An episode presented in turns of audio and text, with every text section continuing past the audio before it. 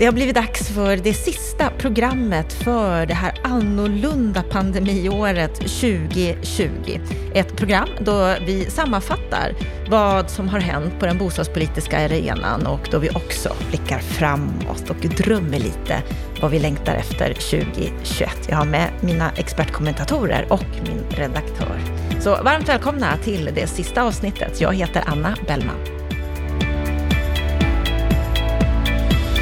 Varmt välkommen till denna årskrönika, det sista avsnittet av Bopolpodden för 2020, då vi ska gå tillbaka och reflektera. Vad var egentligen mest utmärkande för bostadspolitiken under året? Och så ska vi naturligtvis blicka framåt också. Vad längtar vi mest efter 2021?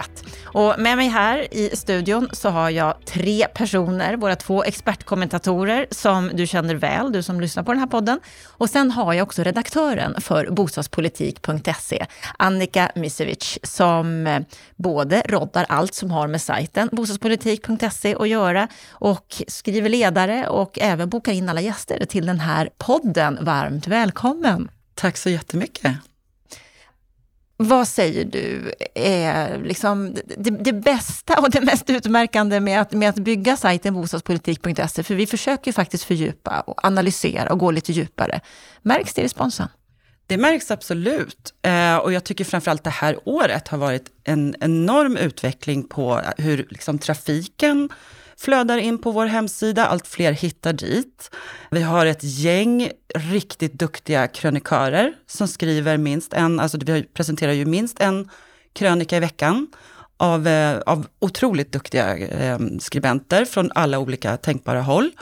Bopolpodden så spännande gäster och ett uppsving i lyssnarantalet. Jag vet inte om det beror på att det är pandemin som har gjort att vi faktiskt söker oss till mer poddar, hemsidor, mer texter. För vi är inte ute och pratar lika mycket som vanligt. Eller också är det det att podden har blivit så otroligt mycket bättre, man vet ju aldrig. Så kan det givetvis vara. Jag ska ställa en fråga till er nu inledningsvis när det gäller den här årskrönikan. Och det är vad har varit mest utmärkande när det gäller den bostadspolitiska debatten under året? Om jag börjar med dig Lennart Weiss, vad säger du? Ja, jag tror att de här statsministersamtalen om bygg och bostadsfrågorna som hölls den, jag tror det var den 28 februari, var viktiga. Först, vi som var där tyckte att det var väldigt bra samtal. Sen hände ingenting och så hände ingenting. Och sen har det hänt ett antal saker under hösten som jag tror har samband med de där samtalen. Vad har det för betydelse att statsministern kallar till samtal? Jo, det har just det, den betydelsen att det är statsministern som gör det. Med det skickar han en signal in till de olika departementen i regeringskansliet men också till de olika partierna som understödjer den här eh, regeringsmajoriteten att frågan är viktig. Och jag kan tänka mig, i varje fall är det en spekulation, att det har bidragit till att bryta isen för en del frågor. Till exempel startlånefrågan eh, som är värd att kommentera ytterligare. Det märks också att det har blivit större fart i de här frågorna som rör olika punkter i 73-punktsprogrammet, speciellt om hyresmarknaden. Men det finns också en del andra tecken som tyder på att det, det börjar röra på sig lite. Jag kan tänka mig att eh, i det här ständiga i den här ständiga dragkampen som finns i ett regeringskansli och i riksdagshuskorridorer så har de där samtalen lett till att de som vill få till stånd olika typer av reformer har fått lite mer vind i seglen. Jag vill i varje fall tro det. Sen är det ju så att de här samtalen ska ju nu fortsätta efter jul.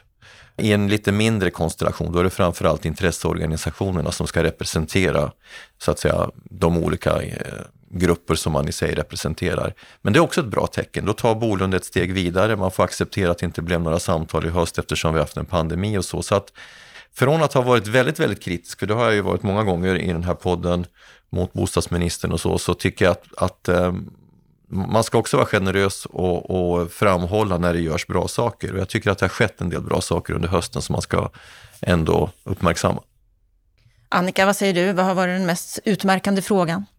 Ja, men eh, jag tycker väl att det är precis som Lennart säger, att det här med startlånen, att, att nu kommer äntligen en utredning eh, från bostadsministern i en fråga som vi under så lång tid har drivit. Vi har lyft i olika sammanhang, inte bara vi inom ramen för bostadspolitik.se, utan andra organisationer, ekonomer och så vidare, har tydligt under flera år nu signalerat att det är helt omöjligt för till exempel unga människor och andra ekonomiskt svaga grupper att komma in på bostadsmarknaden den köpta bostadsmarknaden med våra kreditrestriktioner. Så det här är ju ett jätteviktigt steg och så, så kul och så bra. Sen får vi se vad det blir.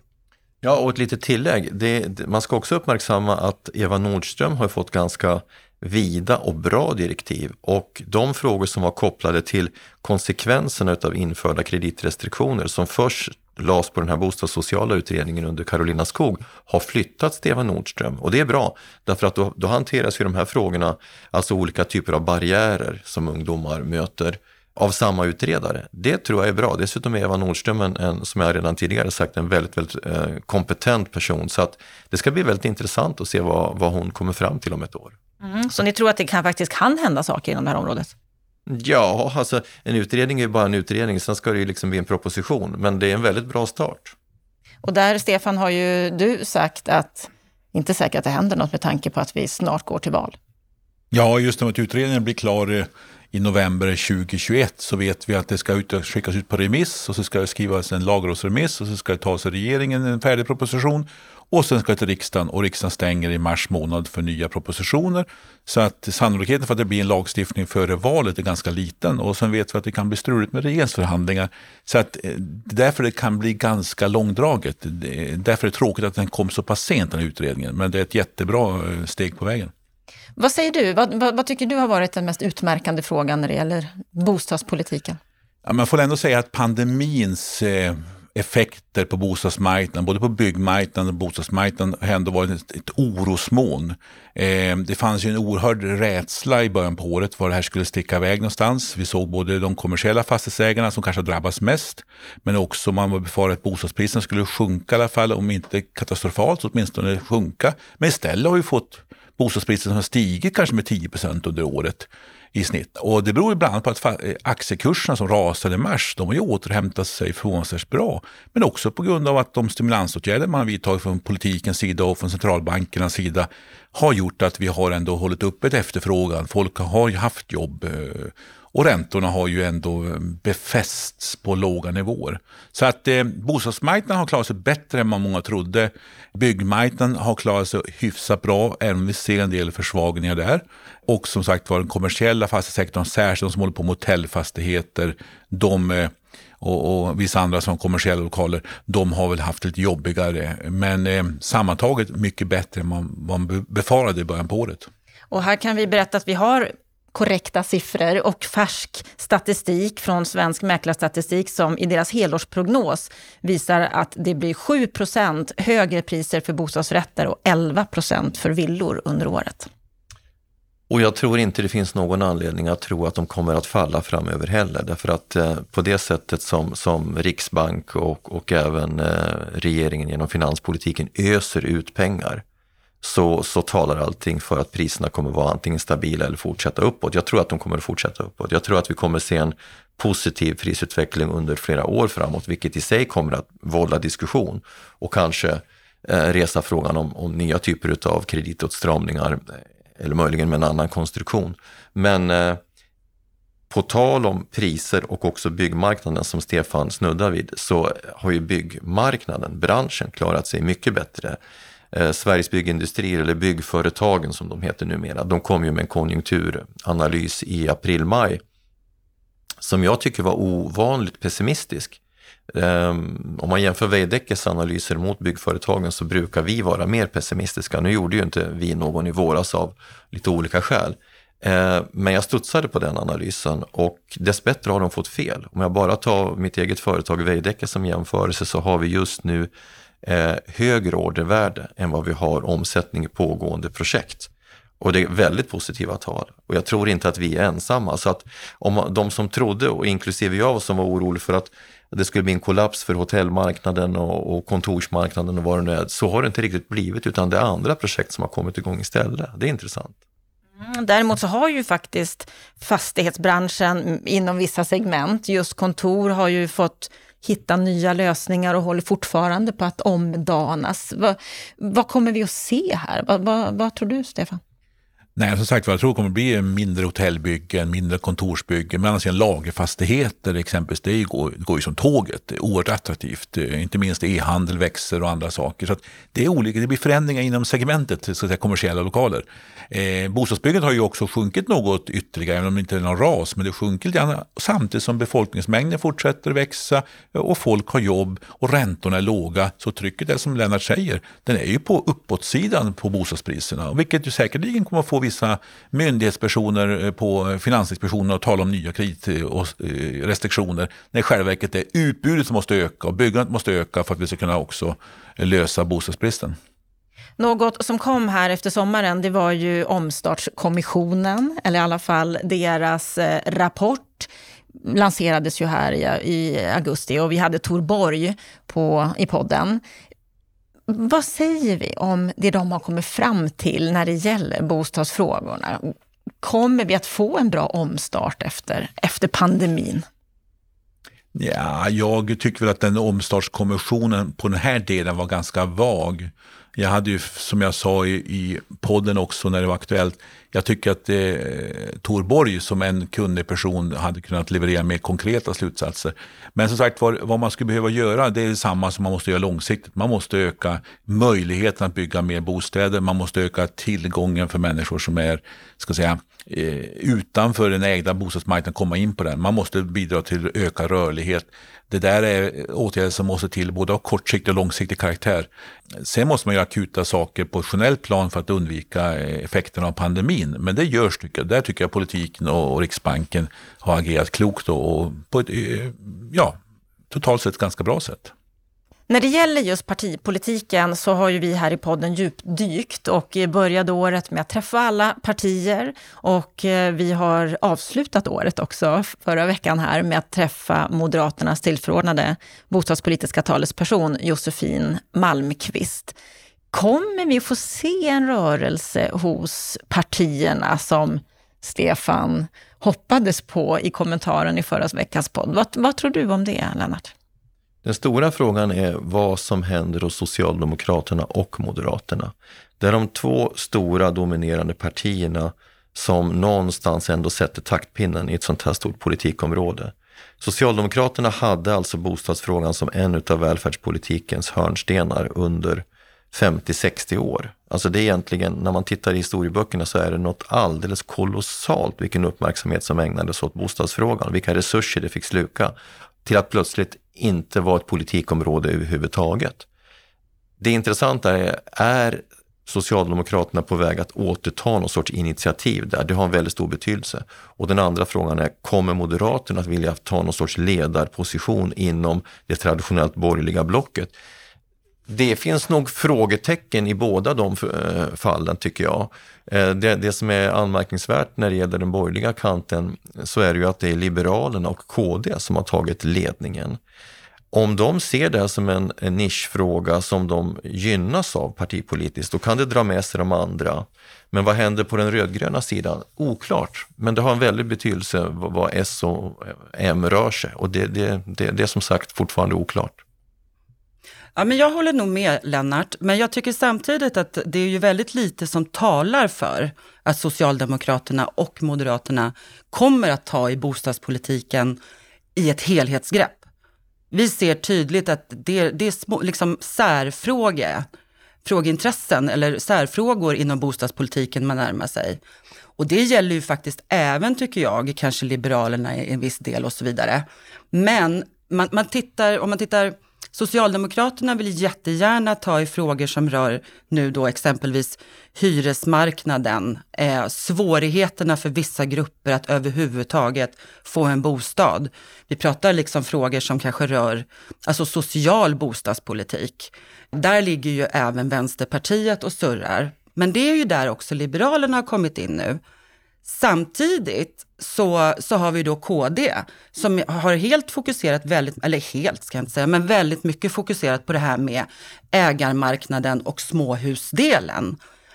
Och, och det blir ju liksom som att man pratar helt olika saker. För att man lägger ju aldrig ihop det här till en gemensam bostadspolitik. Och så länge man inte förstår, eller vill förstå, eller vill ta i frågan om att bostadspolitik också rör den ekonomiska och finanspolitiken, så kommer man aldrig komma till de här st stora breda paketen. Och där ligger ju absolut Moderaterna på latsidan. Man vill inte blanda de här sakerna överhuvudtaget. Det är ju för att det helt enkelt skulle bli motstridiga intressen. Så jag tror inte vi kommer se någonting större från Moderaterna. Absolut inte. Det som möjligen skulle kunna tala för att S rör på sig, det är att eh, det är olika väljargrupper här som är viktiga för Socialdemokraterna som plötsligt börjar få ont eh, så att säga på bostadsmarknaden. Under lång tid så har vi sagt att man vinner inga val på bostadsfrågan, men historiken visar att du kan förlora val på bostadsfrågan. Så att man kan någonstans börja känna i luften att det finns ett 1966-läge, ni vet det där traditionella klassiska statsministercitatet. Va? Jag menar de äldre kommer att vara i politikens centrum efter pandemin. Misslyckandet i äldreomsorgen och så vidare kommer fortplanta sig. Vi har redan pratat om kategorin yngre det börjar bli liksom ett, ett gigantiskt generationsproblem. Eh, och sen har du på det socialgrupp 4 som, som det problemet är så utmanande stort att det börjar utmana eh, bilden av ett fungerande välfärdssamhälle. Alla de här tre sakerna är svåra och jobbiga för Socialdemokraterna. Så om, om liberaler och KD börjar adressera de här frågorna, börjar pressa på, då kan det liksom, mm, summan av det där tvinga Socialdemokraterna att formulera sig. Men eh, om vi eh, tittar vad som kommer att suga den politiska energin nästa år så är ju hyressättningsfrågorna. För att det är det som kommer att både ta medias intresse eftersom det handlar om regeringens vara eller icke vara. Det handlar om konflikter som finns inom regeringen och mellan ska vi säga, partierna, samarbetspartierna här till regeringen. Och då har vi ju tre utredningar. En landar här vid årsskiftet kring eh, effektivare hyresförhandlingar, ett skiljedomsförfarande. En utredning handlar om nyproduktionshyror och en handlar om systematisk hyressättning. Och de här tre utredningarna ska ju politiskt på något sätt processas under 2021 och för att bli någon typ av propositioner och, och så. Och det kommer att vara det politiskt spännande och det kommer att suga också den politiska energin. Vilket gör att de här, det som både Annika och Lennart talar om, de bredare lösningar, det finns inte på något sätt eh, utrymme för det, åtminstone inte hos de stora partierna. Det är min bedömning. Så att eh, vi kommer att få höra mycket om hyressättningsfrågor och marknadshyror och allt sånt där. Och det kommer att ta allt politiskt intresse och eh, därmed kommer tyvärr de andra frågorna sjunka undan. Är jag rädd för. Men en fråga som har varit uppe lite grann här under året, det är ju fastighetsskatten. Kommer vi att eh, få höra mer om den?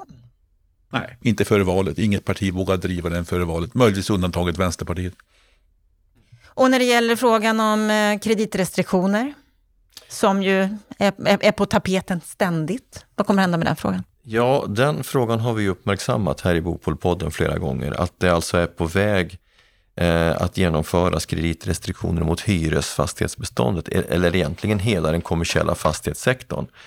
De här sakerna har ännu inte så att säga fått genomslag i eh, politiska realiteter i form av höjda hyror och så. Men det, det, den där frågan rymmer en oerhörd dramatik därför att den innebär, alltså de här åtgärderna som implementeras nu, först höjda riskvikter i banksystemet som i sin tur då transporterar ut sig i form av högre räntor mot, mot kunderna. Eh, riskskatten på bankerna respektive de förändrade Baselreglerna som kommer om tre år. De här sakerna tillsammans innebär en real ränteförändring på någonstans upp mot en procent. Alltså och det här är så fascinerande för i debatten så klarar inte ens generaldirektören eh, för Finansinspektionen av att klara ut skillnaden mellan en ränteförändring och en realränteförändring. Om räntan, den normala marknadsräntan, ändrar sig från 7 till 8 procent, då är det en förändring med en procentenhet.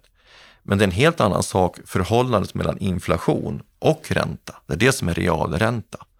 Och om den förändras med 1% så får det en kolossal effekt i kalkylarket. Och det har vi ju redovisat genom att räkna på det här. 1 procents realränteförändring i kalkylarket ger en hyreshöjning med 3 000 kronor i månaden för normal trea. När det börja så att säga transportera ut sig genom hyresförhandlingssystemet eller genom att bankerna helt enkelt kräver mer betalt för sina pengar som fastighetsägarna måste kompensera sig för, då kommer du få se på en intressant diskussion. Och det kan också påverka hela diskussionen om marknadshyror därför att det, det är klart som sjutton att du kan ju inte ta hur mycket betalt som helst utav utav eh, hyresgästerna. Det, det, är liksom inte möjligt. Så att, eh, jag, jag, jag måste säga, jag känner mig både road och oroad av sakernas tillstånd. För att det är som att man i just de här frågorna lever i någon form av psykologisk förnekelse. Marknadshyror kommer inte få några konsekvenser. Kreditrestriktioner kommer inte få några konsekvenser. Jo, fan trot, det kommer att få konsekvenser.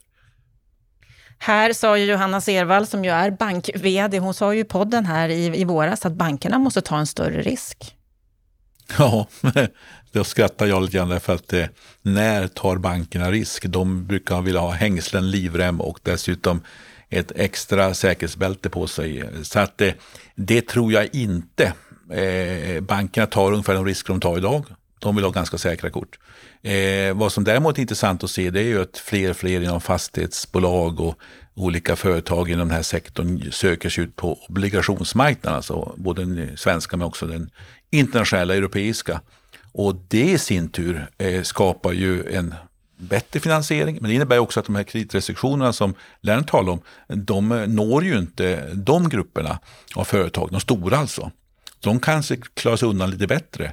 Men det blir ju samtidigt också de här små byggmästarföretagen och liknande saker som ska finansiera hyreshusbyggande i många orter i Sverige. De får svårare, medan de stora drakarna kan, kan glida undan de här ska säga, ökade kraven.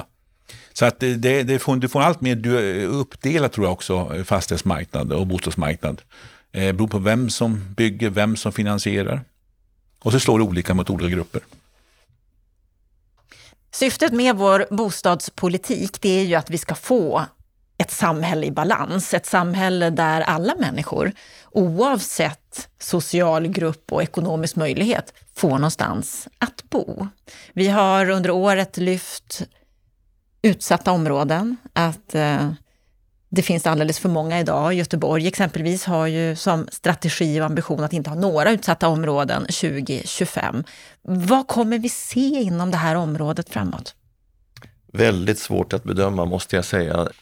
Det känns lite som att den där diskussionen eh, förs i skilda universum. Vi pratar om den på ett sätt när vi pratar om, om våld och hot och, och allmän otrygghet. Vi pratar om den eh, på ett helt annat sätt just i bostadsdebatten. Och i bostadsdebatten så, så, så, finns det på något vis två olika tankeskolor här som båda bidrar till ökad segregation. Du har å ena sidan Hyresgästföreningen och allmännyttan som rent allmän, i allmänhet, i varje fall Hyresgästföreningen, är motståndare till att omvandla från hyresrätt till bostadsrätt. De vill cementera befintliga strukturer. Som om det skulle bli bättre av att man bygger ännu fler hyresrätter i områden som redan har 100% hyresrätt. Det kan inte vara rätt tänkt utan områden som ska stabiliseras socialt behöver blandas så att människor kan göra inte bara en arbetsmarknadskarriär där man bor utan också en bostadskarriär. Det råkar hänga ihop. Va? Så att vill man få liksom en en, en, social utveckling så måste man bryta den här typen av strukturer på bostadsmarknaden också. I andra änden så har du fastighetsägarna som ju alldeles uppenbart driver en väldigt målmedveten kampanj för marknadshyror. Ja, det kommer ju också få eh, effekter. Eh, och, och, och jag tror ju att de områden som kommer bli ännu mer pressade, det kommer vara de socialt svaga områdena. Så att, eh, alternativt så, så, argumenterar ju de för någon typ av sociala eh, bostäder, någon, någon, svensk variant av social housing eller hur man nu ska se på det. De, kallar, de hänvisar i och för sig till den finska modellen, men i svensk kontext så tror jag ju att det kommer att innebära att de här eh, segregerande strukturerna som vi redan har kommer bli ännu mer segregerande, det vill säga man skapar hus eller områden där utanförskapet blir än mer permanent. Jag, jag har svårt att se hur det kan bidra till att utveckla de områdena. Social housing för Sverige, är det ett framgångsrecept? Nej, jag tror ju inte på det. Jag tror att man måste bygga på det svenska traditioner också. Men jag tycker att hela integrationsdebatten, det är på något sätt ett mantra som har pågått länge, att man ska motverka integration och så blir det inte bättre. Det är intressant med Göteborg som du nämnde som exempel här, att man ändå satt upp ett mål och, och, man försöker nu kraftsamla kring det och där bostadsföretagen med sin koncern-vd Terje Johansson spetsen ändå ska göra sin del av detta.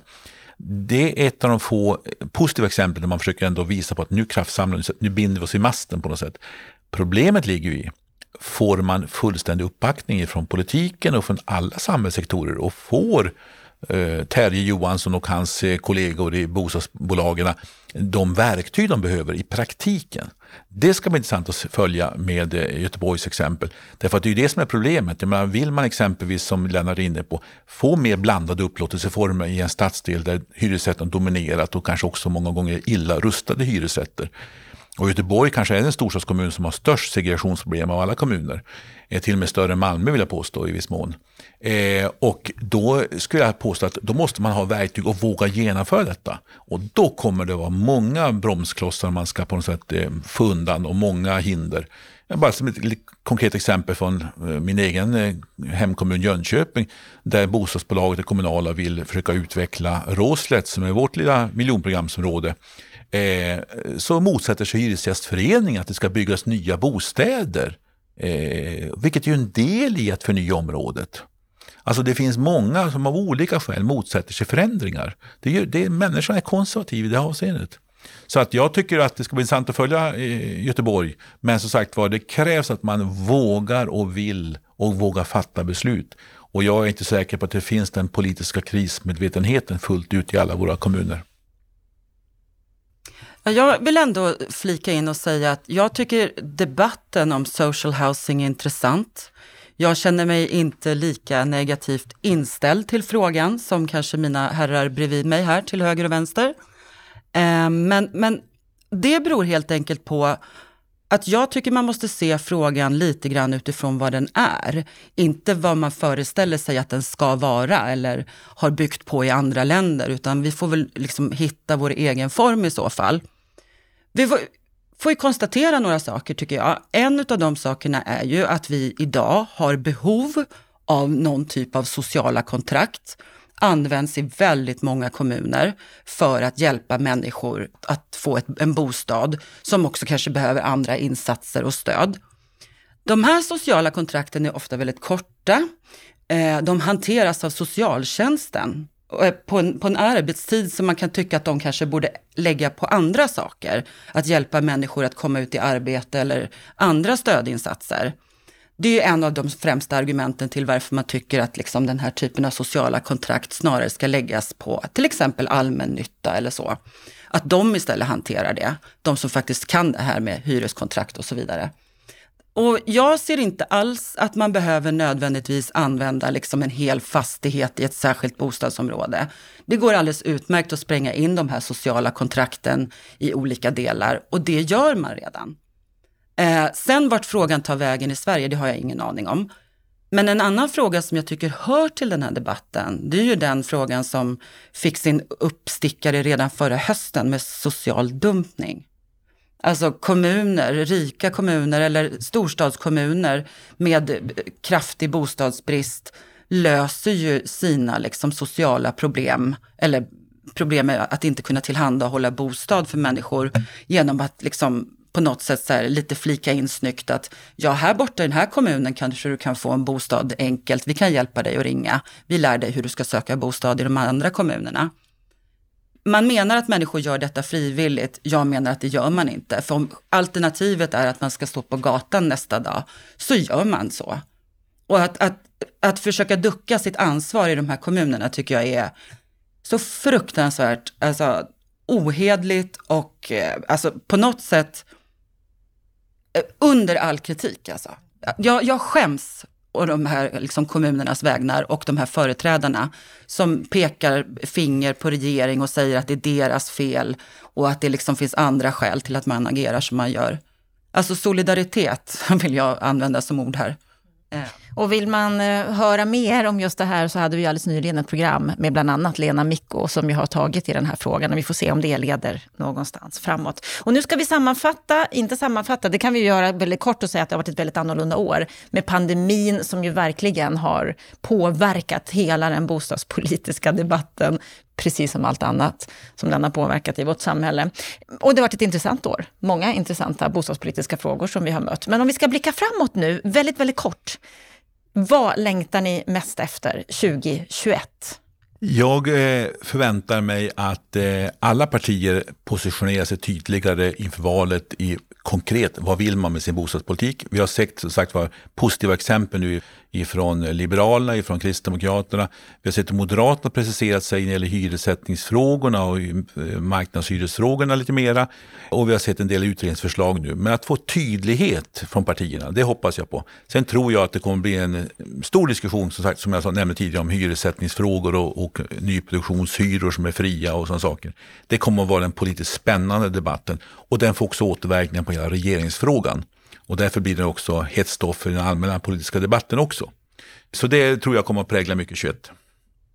Jag ser fram emot ett år där vi förhoppningsvis får ett vaccin som gör att vi åtminstone andra delen av året kan börja mötas igen fysiskt. Ha seminarier där vi liksom kan träffas och diskutera de här frågorna över en kaffe också och inte bara digitalt ses och, och ja, sakna varandra. Jag hoppas att eh, intresseorganisationerna tar sig upp ur skyttegravarna och börjar prata med varandra med syfte att söka lösningar som gagnar samhället och den större helheten och inte bara de själva. Där har vi önskemål för 2021. Vad som kommer att hända, ja det, det kommer vi att följa. Ja, vi har lite drömmar när det gäller nästa år. Nu ska du få en repris av veckans Aktuellt, det sista för det här året, som sändes i fredags. Året närmar sig sitt slut, men bostadspolitiken den har inte somnat in än. Vad har hänt egentligen under veckan, Lennart Weiss? Vi kanske ska börja med Bolund. Eh, ja, Bolund har bjudit in till uppföljande bostadssamtal. Eh, han kommer att göra det i, en liten annan form än i våras.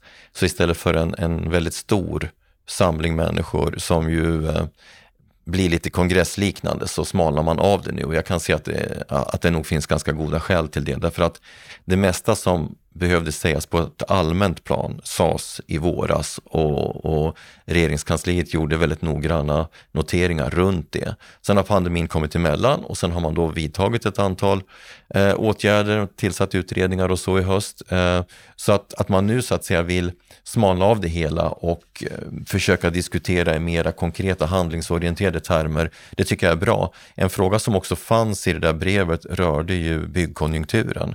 För det finns ju fortsatt en oro för att byggmarknaden kan eh, så att säga svalna av och på det sättet få en följdkonsekvens för den reala ekonomin eftersom den ju omsätter så stora tal och, och sysselsätter så mycket människor. Och det kan man ju naturligtvis med fördel prata direkt med, med byggföretagen och andra intresseorganisationer om. Jag tycker att det där är ett bra initiativ och det visar också att eh, eh det man sa i våras, att man avser komma tillbaka med en uppföljning, det gör man nu och det tycker jag är bra. Du var ju med i de bostadspolitiska samtalen där i slutet på februari, men är inte inbjuden den här gången. Du kan inte känna att det finns en risk att de smalnar av det för mycket? Nej, det tror jag inte. Det, det är ju, alltså man, man, man, söker en annan form, så nu, nu, för, nu bjuder man alltså inte in företrädare för de enskilda företagen, utan nu bjuder man in intresseorganisationerna. Och de kommer ju naturligtvis att prata med oss medlemsföretag och samordna det där. Samma sak på den fackliga sidan förutsätter jag.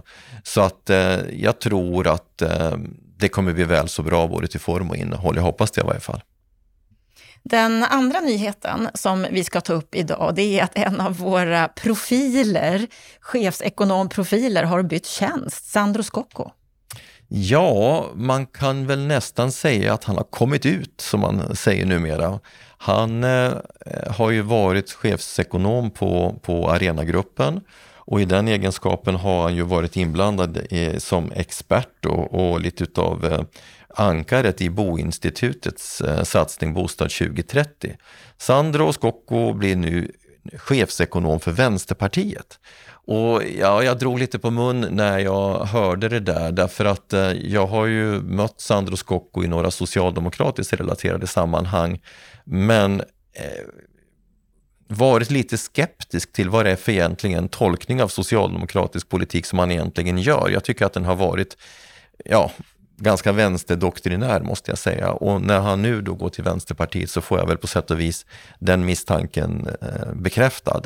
Det har varit väldigt mycket resonemang om stora statliga program, eh, om att eh, ägda bostäder ska eh, bestraffas beskattningsmässigt och, och, och egentligen ganska mycket av vänsterpartistiska pamfletter. Så att eh, det är väl kanske så att Sandro har hittat hem, kommit hem och då är han ju bara att gratulera. Hur kommer det märkas inom bostadspolitiken? Kommer han att vara aktiv där? Ja, det kommer han säkert att vara, men nu kommer han ju mycket tydligare att få en eh, koppling till Vänsterpartiet och eh, jag tror väl inte att det ger honom en större arena än han hade tidigare.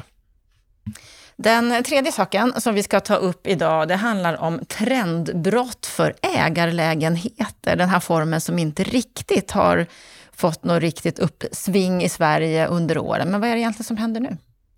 Ja, tittar man på siffrorna så ökar antalet ägarlägenheter, visserligen från små nivåer, men om det börjar komma upp på en nivå av ungefär 1000 lägenheter per år, så är det ändå en betydande volym. Då är det ju ja, i procent 2-3 procent, men det är, om vi säger att det byggs 40-45 000 bostäder per år så är det ju ändå en volym. Och jag är inte jätteöverraskad, eh, därför att det finns ju en grupp konsumenter som har dragit en väldigt stor nytta utav prisökningarna i bostadsmarknaden under senare år. Den sortens hushåll har också goda inkomster, de har hög utbildning, de har sannolikt också en del pengar på aktiemarknaden.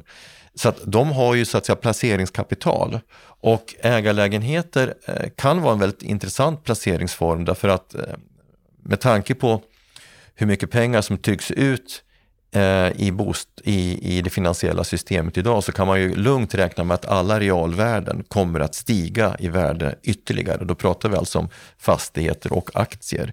Då kan det här vara en intressant placeringsform och när det gäller ägarlägenheter så är det ju så att om du äger en sån lägenhet så, så eh, gäller inte bruksvärdessystemet utan då är det marknadshyra. På en lägenhet så betraktas du inte som fastighetsägare och behöver förhandla om hyran, utan då kan du sätta marknadshyra. Och då kan man ju mycket väl tänka sig att det finns resursstarka hushåll som vill antingen bo själva eller köpa en ägarlägenhet för att hyra ut. Och eh, Ja, kan man göra det i ett attraktivt läge, då kommer det naturligtvis att vara en fin affär. Det kommer att eh, ge väldigt höga löpande inkomster samtidigt som det underliggande värdet stiger. Så det tror jag är en drivande faktor. Och den andra faktorn är väl att bankerna sakteliga börjar vänja sig vid den här upplåtelseformen också. Man är ju fortfarande, så föredrar man ju bostadsrättsformen, men, men eh, i attraktiva lägen med en bra eh, byggare i bakgrunden som står för projektet eh, och ger det stabilitet och resursstarka hushåll så kan jag inte se att banken tar någon större risk. Tittar vi på siffrorna så är det vad jag förstår att bara i Stockholm så har det här ökat från 100 till 1000. Mm. Det är ju en ganska rejäl ökning, även om det som du säger är från små nivåer. Hur mycket kan det öka tror du? Ingen aning. Jag tror att bostadsrättsformen är så pass etablerad i Sverige så att den kommer säkerligen att bibehålla sin, sin position. Och den är fortfarande den mest intressanta formen för hushåll som inte eh, har de här eh, alldeles fantastiska resurserna.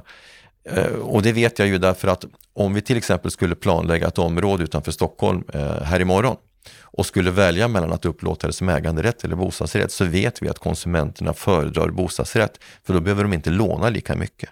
Så även om hushållen skulle egentligen tjäna långsiktigt på att köpa ett småhus eller ett radhus som, som äganderätt så gör de det hellre som bostadsrätt därför att den finansiella belastningen blir lite mindre. Men över tid vet man inte vad som kommer att hända. Den här ägandeformen är ju väldigt stor i, eh, ja egentligen i hela världen. Det är ju bara i Sverige och Norge som vi har bostadsrätt.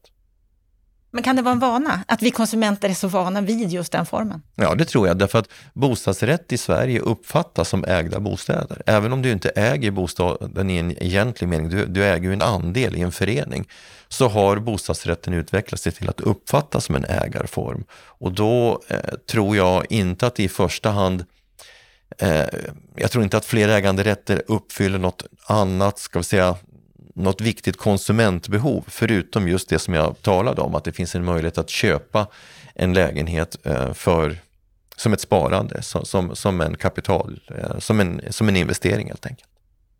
Det här är årets sista veckans Aktuellt och vi tar upp det mest aktuella som har hänt veckan som har gått. Vad skulle du säga är det viktigaste som har hänt under året som har gått? Oj, under året som har gått så Ja, jag tycker ju att den här frågan om, om eh, kreditrestriktionerna för den kommersiella fastighetssektorn är en väldigt stor sak som har fått oförtjänt lite uppmärksamhet i media. Men eh, den frågan kommer att komma upp på agendan ännu mer. Eh, jag tycker att det är en stor sak att de här olika utredningarna kring hyresrättens utveckling i olika avseenden, det är tre olika utredningar, har börjat röra på sig och det är en stor sak. Det, det kommer att ge avtryck i den politiska debatten nästa år. En stor sak är definitivt att eh, pandemin utlöste ett antal följdeffekter både i penningpolitiken och finanspolitiken som har gjort att priserna har fortsatt upp och eftersom arbetslösheten inte eh, galopperade iväg på det sätt som en del olyck, olyckskorpar eh, trodde så, så har ju bostadsmarknaden förhållit sig stabil. Och det är en stor sak som en icke-händelse kan man säga. Och sen tycker jag ju att den här äh, statliga utredningen som nu är tillsatt om startlån som ju kom som en blixt från klar himmel. Det var ett väldigt bra äh, en, en, viktig händelse som jag hoppas markerar ett ökat intresse och, och, en ökad förståelse för att ett land som Sverige kan inte ha växande generationsklyftor. Det går inte. Då håller inte samhället ihop på längre sikt. Så det är väl några saker. Och ska jag lägga till en sak till så tror jag att hela pandemin kommer att öka fokuset på de äldres behov, både eh, omvårdnadsmässigt men också boendemässigt. Så jag förutser nog faktiskt att de äldres situation kommer att eh, få större plats i bostadsdebatten framåt. Tror du att vi kommer att se några stora kliv framåt under nästa år när det gäller bostadspolitiken? Nej, det gör jag inte. Jag tror nog att eh, regeringen har nog i stort sett skjutit av det krut som de har. För jag menar 2022 så, så, så kommer ett val igen. Så att 2021 är ett förberedelseår. Man kommer vara väldigt fokuserad på att landa 73-punktsprogrammet. För det är klart att regeringspartierna med sina två um, partier som de eh, stöttar sig mot, de är ju måna om att eh, genomföra så mycket politik som möjligt inom ramen för 73-punktsprogrammet. Om det, om det skulle kunna komma någonting mer så skulle det kanske kunna vara inriktat mot byggbranschen om det skulle komma tecken på en allvarlig konjunkturavmattning. Men eftersom vi inte ser det just nu så förväntar jag mig inget av större betydelse. Nej. Då skulle jag vilja passa på att eh, inte bara önska god jul och gott nytt år, utan också tacka för att du har varit med oss, att du lyssnar på Bopolpodden. Det är en fröjd att få göra de här programmen och djupdyka i de bostadspolitiska frågorna.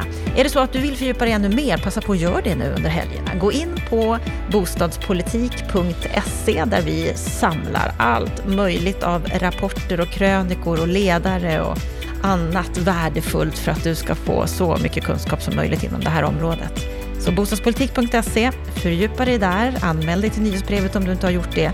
Och nu, ha en riktigt, riktigt god jul och en fantastisk start på nästa år så hörs vi snart igen.